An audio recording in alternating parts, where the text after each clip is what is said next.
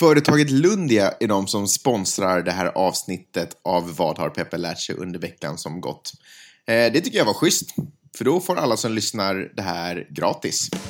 Man glider runt och softar hela dagen Peppe är i skolan och pluggar som fan men Har hon blivit smartare eller är hon en flott? Alltså vad har Peppe lärt sig under veckan som gått?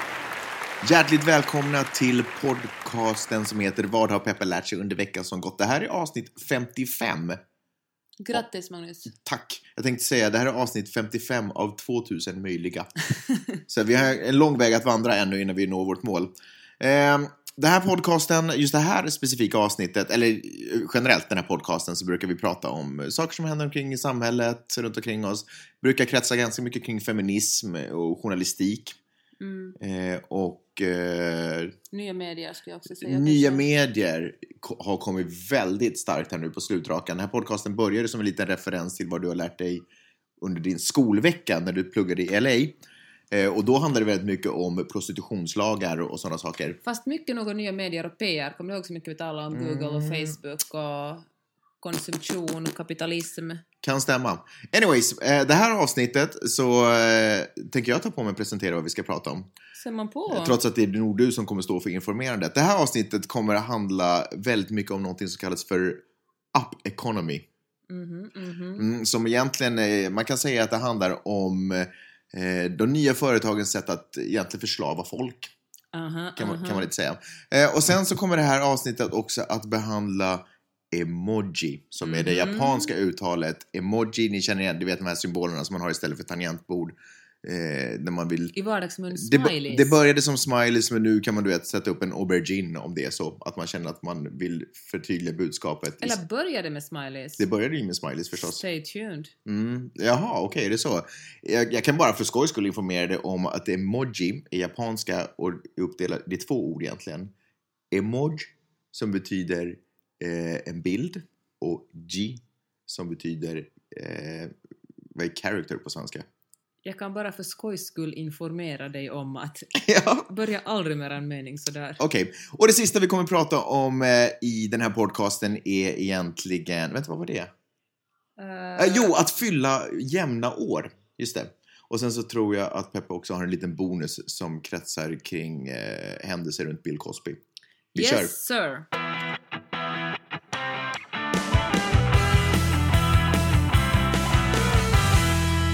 Vi har nu kommit in i den delen av programmet där Peppe kommer eh, reta upp sig på kapitalismens starka klor som bara, försö- som bara är till för att slita oss alla i stycken.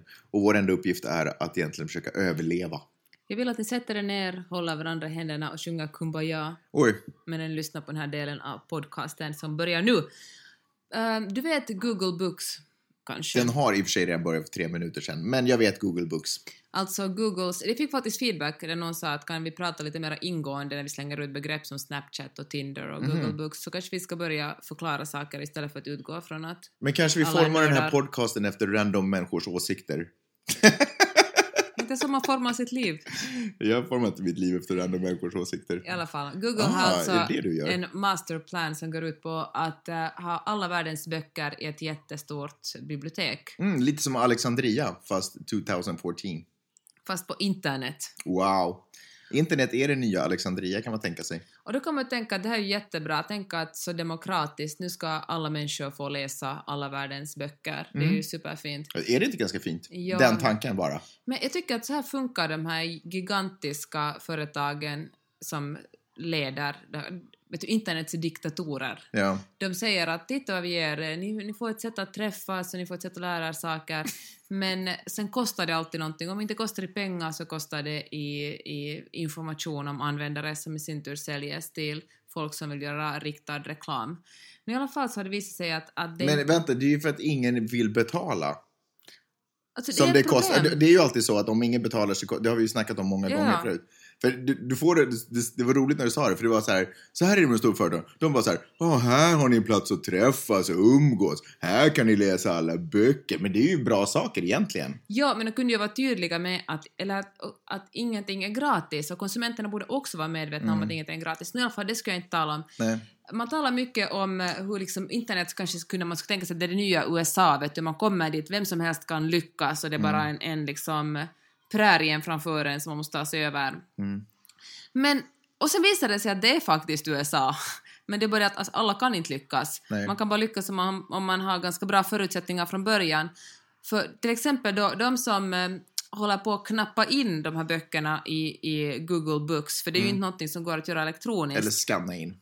eller skanna in, är, är underbetalda vanligtvis mexikanska kvinnor eller folk som annars kommer från central, central flytta in till USA från eh, Centralamerika. Folk som kanske inte har det sådär superhäftigt med pengar hemma som helt enkelt behöver jobb och då betalar Google dem minimalt lite för att de ska, och de är ju aldrig anställda utan det är folk de som gör ett sånt jobb som, som de kan bli inkallade liksom för att jobba en timme här, ofta jobbar de natt till exempel. Och um, Alltså, de blir tvingade att jobba natt. Eller? Ja, om du vill ha det jobbet jobbar du natt från fyra Ja. på morgonen till... Från du börjar fyra på morgonen, sen kan du jobba till efter lunch. Är det alltså natt amerikansk tid? Ja. Jag vet, Ja. inte, eller jag vet inte. Men de Varför, måste... varför det var viktigt? Nej men för de sitter i Mexiko. Jag inte, de måste... Nej, nej, de sitter i USA. Okej. Ja, ja, men alltså jag menar folk som... Vanligtvis är det folk som inte är sådär... Ja, ja, för att de inte ska ta upp kontorsplats Ja. då liksom. Och sen så kommer de riktiga anställda med skäliga löner in på dagen. Ja, Ja, precis. Jag fattar. Och, eh, och då tänker jag att det är ju liksom... att det, så här ser det ut utanför internet också. Att det är en viss sorts människor som, som får göra det smutsiga jobbet och inte får så jättebra betalt och folk som är privilegierade får göra det fina jobbet och synas dagtid och få bra betalt. Lite som i den riktiga världen, ja, precis. Ja. Så det, ja, jag vet inte, jag tycker att eh, då skulle till exempel, och, och då tänker jag att det, det här kallas som det, hela, det finns ett namn som kallas app economy. Du har, Amazon har en lite motsvarande sak, de har något som heter Amazon Marketplace, där olika företag som behöver hjälp med just till exempel det här att skanna in sidor eller, eller att lyssna på liksom audio, audio, alltså ljud och knappra in det till text, eller eh, fixa upp bilder eller något sånt, så då kan man, vanligtvis kostar det, får man 10 cent betalt per en, en uppgift, en sån här chore. Och, eh, och då får man såklart, de är ju såklart aldrig fast anställda utan man är så att här kan du göra det här så får man det gjort. Och grejen är den att de som gör det här, de som får betalt fast det är jättelite betalt, betalar skatt på det för Mm. det är deras inkomst. Men någonting lagstift, lagstiftningen gör att de här företagen inte behöver betala skatt eller de betalar minimalt med skatt eftersom de, eller fan jag tror inte, alltså enligt den här artikeln jag läste betalar de inte skatt på det. För de anställer ingen. Utan det är bara liksom små penningsummor här och där ja. samma sak gör Uber som jag faktiskt nu skäms för att säga för att jag älskar det så mycket i, i LA. Det funkar så otroligt bra i LA. Liksom det är billigare, det är mycket trevligare, det är snabbt och pålitligt och, och enkelt framför allt. ja. Men Uber sköter ju också det här, det är ju ett gigantiskt företag. Vi har ju talat tidigare om att, att, att Google har investerat 200 miljoner, säkert mer av det här skedet, men då för ett halvår sedan investerade de 200 miljoner i det här företaget. ja. Och de har ju inga anställda, eller väldigt, få anställda, att alla som kör för dem, majoriteten av folk som jobbar för dem är liksom independent contractor, contractors som själva företaget aldrig behöver betala liksom eh, semester, ersättning åt, de behöver aldrig betala pensionsavgifter. Om man är sjuk förlorar man bara inkomst, det är liksom ingen säkerhet Men överhuvudtaget. är, alltså är, du, är du upprörd på just de här specifika företagen eller är du upprörd för att vi i samhället har någonting som kallas för skitgöra och vi har någonting som är prioriterat? Ja, alltså det är inte bara då, det finns ju jättemånga. För det finns är ju klippare har- inom finsk tv-produktion som måste sitta på nätterna Ja. på redaktionerna och klippa därför att på Fast dagtid så kommer sen resten av... Finsk tv-produktion tror jag har lite striktare lagar än det här glidande, för det finns ju ingen internetlagstiftning, utan det är företag som bara utnyttjar att det inte riktigt Men finns företagen någon. jobbar ju inte på internet, de jobbar ju med internet, men Ja. de jobbar ju nog, de är ju stationerade någonstans. Liksom. Men så det är ju inte, de det är på- inte virtuella organisationer som... Nej, men de lägger ju upp någonting på, på, uh, på det här Amazon Marketplace till exempel, ska du ju ingen skillnad, sitter du i Singapore och gör det, Nej. utan sitter hemma i din office och gör det och får 10 cent per, per grej du gör. Mm. Som är jättelite. Jag menar bara att, att, att det är... Ja, Men, och det, och det men, men det här sällan- taxiföretaget du snackar om, det är ju, eller vad, vad det nu är för sorts företag, för det är ju inte ett taxiföretag nödvändigtvis. Men, eh, Uber alltså. Ja, det är ju Ja. inte ett, det är inte ett internetföretag. Eller Nej, är det ett Nej, det är internetföretag? en app economy, det är ju någonting som grundar sig i en app också, det är ju men liksom det men, geniala men det. vad är problemet för dig nu? Problemet är att det är massa, en massa människor som, som, aldrig, som, är bero, som inte har någon säkerhet utan som jobbar från dag till dag. Jag tycker att det borde finnas, Uber till exempel borde ha borde vara snällare mot sina anställda, borde anställa folk för att köra för dem och ge liksom lite mer säkerhet för det är jättesvårt att planera en... Det är väl väldigt tydligt den generationen som nu växer upp och börjar vara vuxna att man har inget man har ingen fast tjänst. Våra föräldrar hade ju till exempel alltid fast tjänst och jag antar att det var liksom, till och med i USA var det lite mer säkert ännu för, för 20 år sedan. Men nu är det ju så att, att äh, man det, folk är rädda för att grunda familj eller för att sånt ta bostadslån eller vad som helst för att nästa månad vet du inte. Men kolla, man kan, inte både, man kan inte både ha, både ha ett individualistiskt samhälle där det handlar om att eh, alla ska ha möjlighet att slå sig fram eller armbåga sig fram och samtidigt ha fackföreningar. Varför inte? Det, de går, verkar bara inte riktigt gå hand i hand. Det är därför, klart att, det måste gå. därför, att, nej, men därför att de tjänar olika syften. Fackföreningar ser till att alla har det bra, liksom, eller försöker jobba för att alla ska ha det så bra som möjligt. Ja. Men det kommer ju också bromsa de som på något sätt vill bryta sig igenom. Hur då? Hur kommer fackföreningarna att bromsa de som vill bryta sig igenom? Nej men alltså, jag, lyssna på min poäng. Att jag tror inte att, jag tror inte, alltså, USA har valt den här vägen. Det ska vara ett individu- individualistiskt samhälle. The American dream ska vara tillgänglig för alla. Eh, de, ingen amerikan accepterar, men de gillar ju inte ens att alla ska ha hyfsad eh, liksom, läkarvård för allihopa. Utan alla ska liksom ha möjligheten att få det absolut bästa. Även fast jag tror att de någonstans, majoriteten inser att det där kommer aldrig hända i Fast det mitt är ju liv. kanske lite en extrem republi- republikan inställning du snackar om. Ja, men håller du inte med mig om att det amerikanska samhället är lite funtat på det sättet? Är det inte därför som när vi kommer dit känns som att god damn, varje dag känns som att man skulle kunna bli miljonär här? För att allting känns lite möjligt. Det är sant, men nu har de ju också public schools. Jag har väldigt svårt att tro att till exempel i Norden att Google skulle kunna anställa för slavlön. Eh, jag menar om Google var stationerad, du vet i Stockholm någonstans i, något eh, i någon lokal där. Att de på natten skulle dra in massa underbetalda personer som sitter och, och skannar böcker för 10 10 liksom, öre Cent, mm. i, i timmen. Fast jag Det där samhället bygger lite på att du vet, alla får en chans. Om du inte, om du inte har muskler eller, eller kapacitet att slå det igenom själv så då finns det åtminstone slavjobb du kan göra. Fast till exempel, nu var det, jag vet inte om det var vilken av svenska tidningar, var det Expressen som använder bemanningsföretag för att anställa. Det är ju lite samma sak. Att du får, Varför är det samma sak? jag menar bara att det samhälle som vi går till också liksom här i Norden handlar ju om Men att är använda ett svårare- bemanningsföretag för att anställa, det är ju bara en, en service för att Ja, hjälpa för- mig att hitta folk som kan jobba. det hjälper dig att hitta folk som får, som får mycket sämre betalt, alltså du får mycket sämre lön om du går igenom det här bemanningsföretaget än du ska vara anställd för av den här eh, av tidningen. Är det en, regel? Eller det beror på men vilken det, tjänst det men, handlar men det om. handlar ju liksom om, om nej men därför många tidningshus i Sverige gör så här för att dra ner på utgifterna. Okej. Och jag menar bara att, att det är oroväckande. Vänta, förlåt. Jag, är inte riktigt, jag har aldrig Ja. hört talas om det där förut. Men kan det inte vara så att den... Journalisten.se skrev jättemycket om det för några veckor sedan. Okej, fair enough. Men kan det inte vara så ändå? Ja. Rätta mig om jag har fel. Kanske när du läser den här artikeln på nytt så kanske det stämmer det jag säger. Att är det inte så att det de sparar är att de inte själva behöver jaga folk som kan skriva de här utan det finns någon annan som tar hand om den Nej, klumpsumman? nej, alltså, så du menar att de inte, det inte finns tillräckligt med journalister som är färdiga för att jobba på de stora tidningarna i Sverige? Eh, Det vet jag. Eller det finns massvis med färdiga... Okej, fine, fair enough. Nej, Vad är det? Vad, vad, vad, vad glor du på? Vad, vad är det? Ingenting, jag tänkte bara att, att det, är ju inte, det är ju inte ett problem att det finns för lite journalister som ska vara redo att jobba.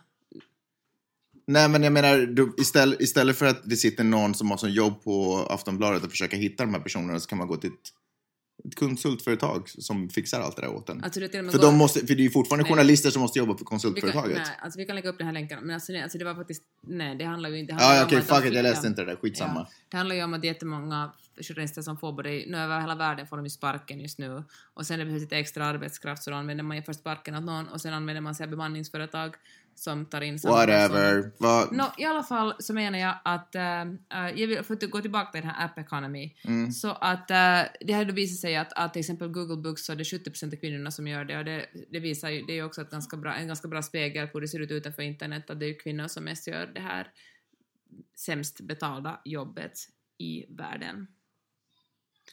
Ja, jag ville bara säga det att det är en sorglig värld vi lever i. Nu kan ni släppa varandras händer och rätta på ryggen.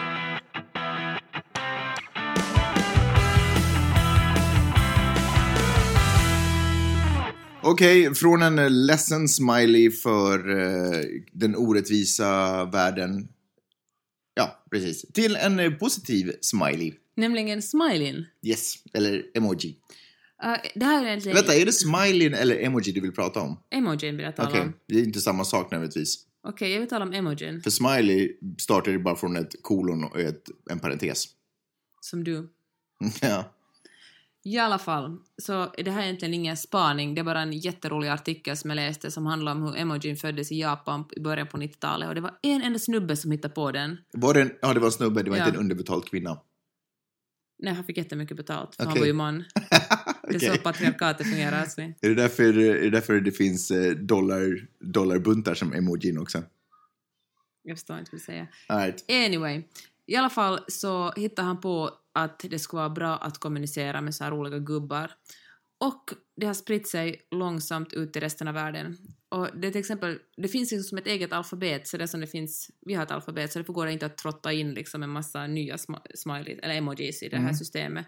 Utan det finns ett visst antal, och sen finns det en massa fake också. Och, Alla vet vad emojin är, tror jag. Ja.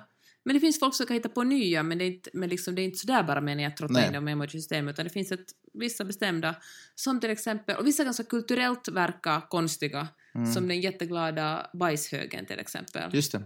Men eh, vet du vad Magnus? Nej. Den betyder tur. Det är sant. Så om du skickar en glad bajshög åt någon betyder det bon chance, vet du. Så på många sätt så kan jag låta den symbol, symbolen representera dig. Dels för att du är lite tur för mig och dels för att du är en skithög. Och dels för att du har ett brett leende.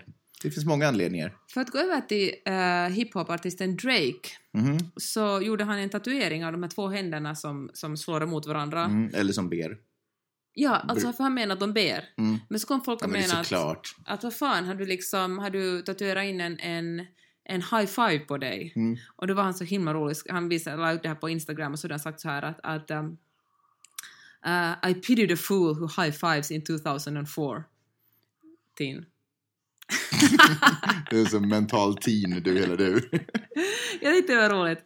Men helt ärligt att alltså, det coola med emojin är ju det att, att vårt skrivna språk är ju jättenytt jämfört med det, det Och alltså det coola med emojin, det är... Okej. Okej, jag började använda dem i år typ. Ja, För jag jag tyckte vet. de var nolliga. Jag vet. Och sen jag kommit in. Men tänk nu att man har ju tidigare liksom kommunicerat med att rita oxar på, på grottmåls, grottväggarna. Mm. Att vi har ju bara kommunicerat i bilder ända sen vet du, M- Mesopotamien Mm. och hieroglyferna. Mm. Och nu är vi tillbaka där, vet du. Sen försökte vi få in några bokstäver, men nu är vi tillbaka i, i, i de glada gubbarna. Okej. Är inte roligt? Det är mycket roligt. Och så i den här texten jag läste stod det också en självklarhet, så det handlar hemskt mycket det finns inga liksom elaka emojin, de är alla glada. Mm. Och, eh, och fast de är arga så är de ganska gulliga liksom, det finns inte någonting aggressivt i dem. Det finns ju arga masker där nog. Jo, men de är ändå ganska gulliga, de är de är runda och små. gulliga. Det där är sjukt förnedrande till alla små att du säger att bara för att det är litet är det gulligt även fast de ser arga ut. Då tänker jag på en sån här sak i Ghostbusters, i den, allra, den första, den allra sista scenen, den här Fitzy, du Marshmallow har Man. aktuella teman idag.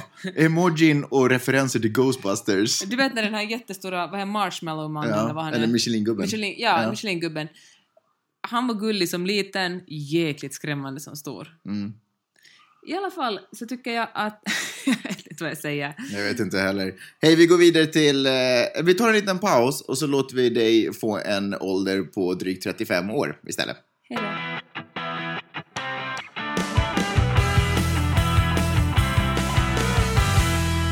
Jag är sjukt nyfiken på att höra vad du har för otroligt insiktsfullt att berätta om jämna årtal. Du fyllde ju nyligen jämna årtal. Det stämmer. Genomgick du en kris? Gjorde du något speciellt året innan? Eh, jag chillade i Los Angeles. ja. Det var lite speciellt. Det var lite av en kris kan man säga. Nå, kanske du inte hör till den här undersökningen, eller faller kanske inte in i den här undersökningen. Men tydligen, när folk fyller, året för de fyller jämna år, år när man är 29, 39, 49, 59, och speciellt bland 19? män. 9? Och, ja, också 9 är inte så mycket, då är man bara ett olyckligt ovetande barn. Okej. Men eh, året innan man, man eh, fyller jämna så är det vanligare att man gör extrema saker. Mm. Som att eh, man är otrogen till Och exempel. när du säger jämna menar du egentligen att man når upp ett tiotal? Ja, runda siffror. Mm. Så till exempel så i den undersökningen visade det sig att, att eh, mest män men också kvinnor gick med i sådana här otrohetsdatingsajter Jaha. när de var någonting på 9, 29, 39. Troligtvis 39. Eller varför det? Jag vet inte. Gjorde du det? Nej, det gjorde jag inte. Och eh, så, var det också, så var det också mycket mer sannolikt att man sprang maraton. Folk började träna, att det är mycket sannolikare att springa maraton när man är 29 eller 30 eller- eller 49 Så än man väl- annat. Så man väljer liksom två linjer. Antingen springer man maraton eller så är man otrogen. Underligt. Nej, men man gör grejer, alltså man gör liksom... eh, Man, Underliga saker. nej, utan man på något sätt börjar se över sitt liv och fundera vad vill jag egentligen? Vill jag leva med den här personen? Mm. Vill jag vara i gott skick eller vill jag liksom... eh, vill jag, ja, vill jag vara otrogen? Vill jag börja bli vegetarian? Vill jag liksom... Ja, man, man ser över sitt liv på något sätt. Och så visade det sig att de som vann, de som sprang maraton, att det, det handlar inte bara om åldrar, utan de där här 29-åringarna som sprang maraton då, det var mycket sannolikare att om de var nära att springa det på tre timmar. Men det är, de, vänta, vänta, jag tror inte det här handlar om 29. Jag tror på riktigt att kanske 39 är det första. Det finns ju, alltså anledningen till att man till exempel skulle springa ett maraton, det här, nu försöker jag bara tänka med huvudet. Det måste ju vara att man har kommit upp i en ålder och man är lite sådär, shit, kan jag det här fortfarande? Kroppen börjar krackelera. Mm. Och så vill man bevisa, sig, bevisa för sig själv att man kan göra det och därför börjar man Men aktivera fast- sig. Det finns ju ingen folk- 29-åring som inte kan springa maraton höll jag på att säga. Men det är ju Fast jag intressant. tror nog att, att man kan få en, alltså men från det att man går från 20 någonting till att vara 30 någonting, det är ju liksom att vara ungdom till att vara en vuxen människa. Jag tror nog att, det att 29 också kan vara krisigt. Säkert, säkert, säkert. Mm. Men jag tror Ja. kanske det är mer sådär, vad ska jag bli i mitt liv då? Ja, men då kanske det handlar om att man ser upp sig från jobbet. Ja, fair enough. Ja. Det fanns, vi lägger upp den här länken också på Facebook-sidan. Men vad, fanns, vad är liksom, eh, är det här en, bara en observation? Nej, en observation och kanske inte, inte vet jag, en varning. Det kanske kan ju vara bra ibland att man, man ser över sitt liv. För tydligen är det eh, att vanligtvis så ser man inte, man, ser, då, liksom man höjer blicken på något sätt, man är 29 och vänder sitt huvud bakåt Snyggt. och ser att, att vad, vad man har hållit på med. Det låter och- som någon exorcism. Och, sen, ja men se tillbaka och man har "Åh, jag det jag vill göra. Och sen eh, när man har passerat den här, när- när man är 30, 40 eller 50 så då kollar man neråt igen och liksom bara, för man kan ju inte hålla på och liksom uppväga sitt, fundera över sitt liv precis hela tiden. Och då är det mer sannolikt att man gör det här innan man fyller jämnt. Är du med? ja. Jag tycker, det, jag tycker det var superintressant att om man till exempel är gift med någon som är 39 och hen börjar vara lite rastlös så kanske man kan förstå vad det beror på. Det beror på 39. Men vilken underlig, udda nyhet. Eh, liksom vilken, eh, det är ju superallmänt känt att folk går igenom livskriser till höger och vänster. Samtidigt så tycker jag att det är lite synd att man hela tiden håller på och pratar om att folk går igenom livskriser. För det blir nästan så att när folk börjar närma sig hel eh, eller runda tal att man på något sätt måste hitta vad, kan, vad är min livskris eller någonting. Att man blir så medveten om sin ålder bara för att vi Fast pratar så det, mycket om det. Men kanske det inte alltid måste vara en kris. Kanske det är bra att man ser över sitt liv ibland och är sådär att vad vill jag egentligen med det Ja, här? men det finns ju ingen anledning att vänta till att man fyller 20, 30, 40 eller 50 innan man ser det. Man kan väl göra det lite under tiden. Men folk verkar göra så här. Det här är liksom ingenting jag hittar på utan det fanns Men statistik. vad- Och självmorden förresten Men undrar- också. Självmorden gick upp när man var 29, 39, 49. Men undrar vad det är som har gett vad? Om det är så att vi pratar så mycket om 40 års ålder, 50 års ålder, 30 års ålder, att det blir liksom de här stigmarna att ta sig över. Det är ju bara ett freaking år. Jag menar, hade, hade vi levt på romarriket så hade vi, eller vänta, när var det decimalsystemet? Men eller det kan det- ju vara det, men det kan ju också vara att... eh, men alltså det kan ju Ja, också vi hade levt i Babylonien så då hade vi haft det här var sjätte år, typ, eller? Men det kan ju också, det kan, ja absolut, inte hade det någonting, det måste handla liksom om vart tionde år, men, men jag menar bara att, att det kan ju vara någonting psykologiskt med just att liksom siffran, någonting, det är en snyggare siffra 40, 30, 20, att det är någonting i vår hjärna som vill att den ska vara en snygg, att det ska vara snyggt och rent och bra när man kommer in i den siffran. Tycker man borde fokusera mer på ett snyggt ansikte.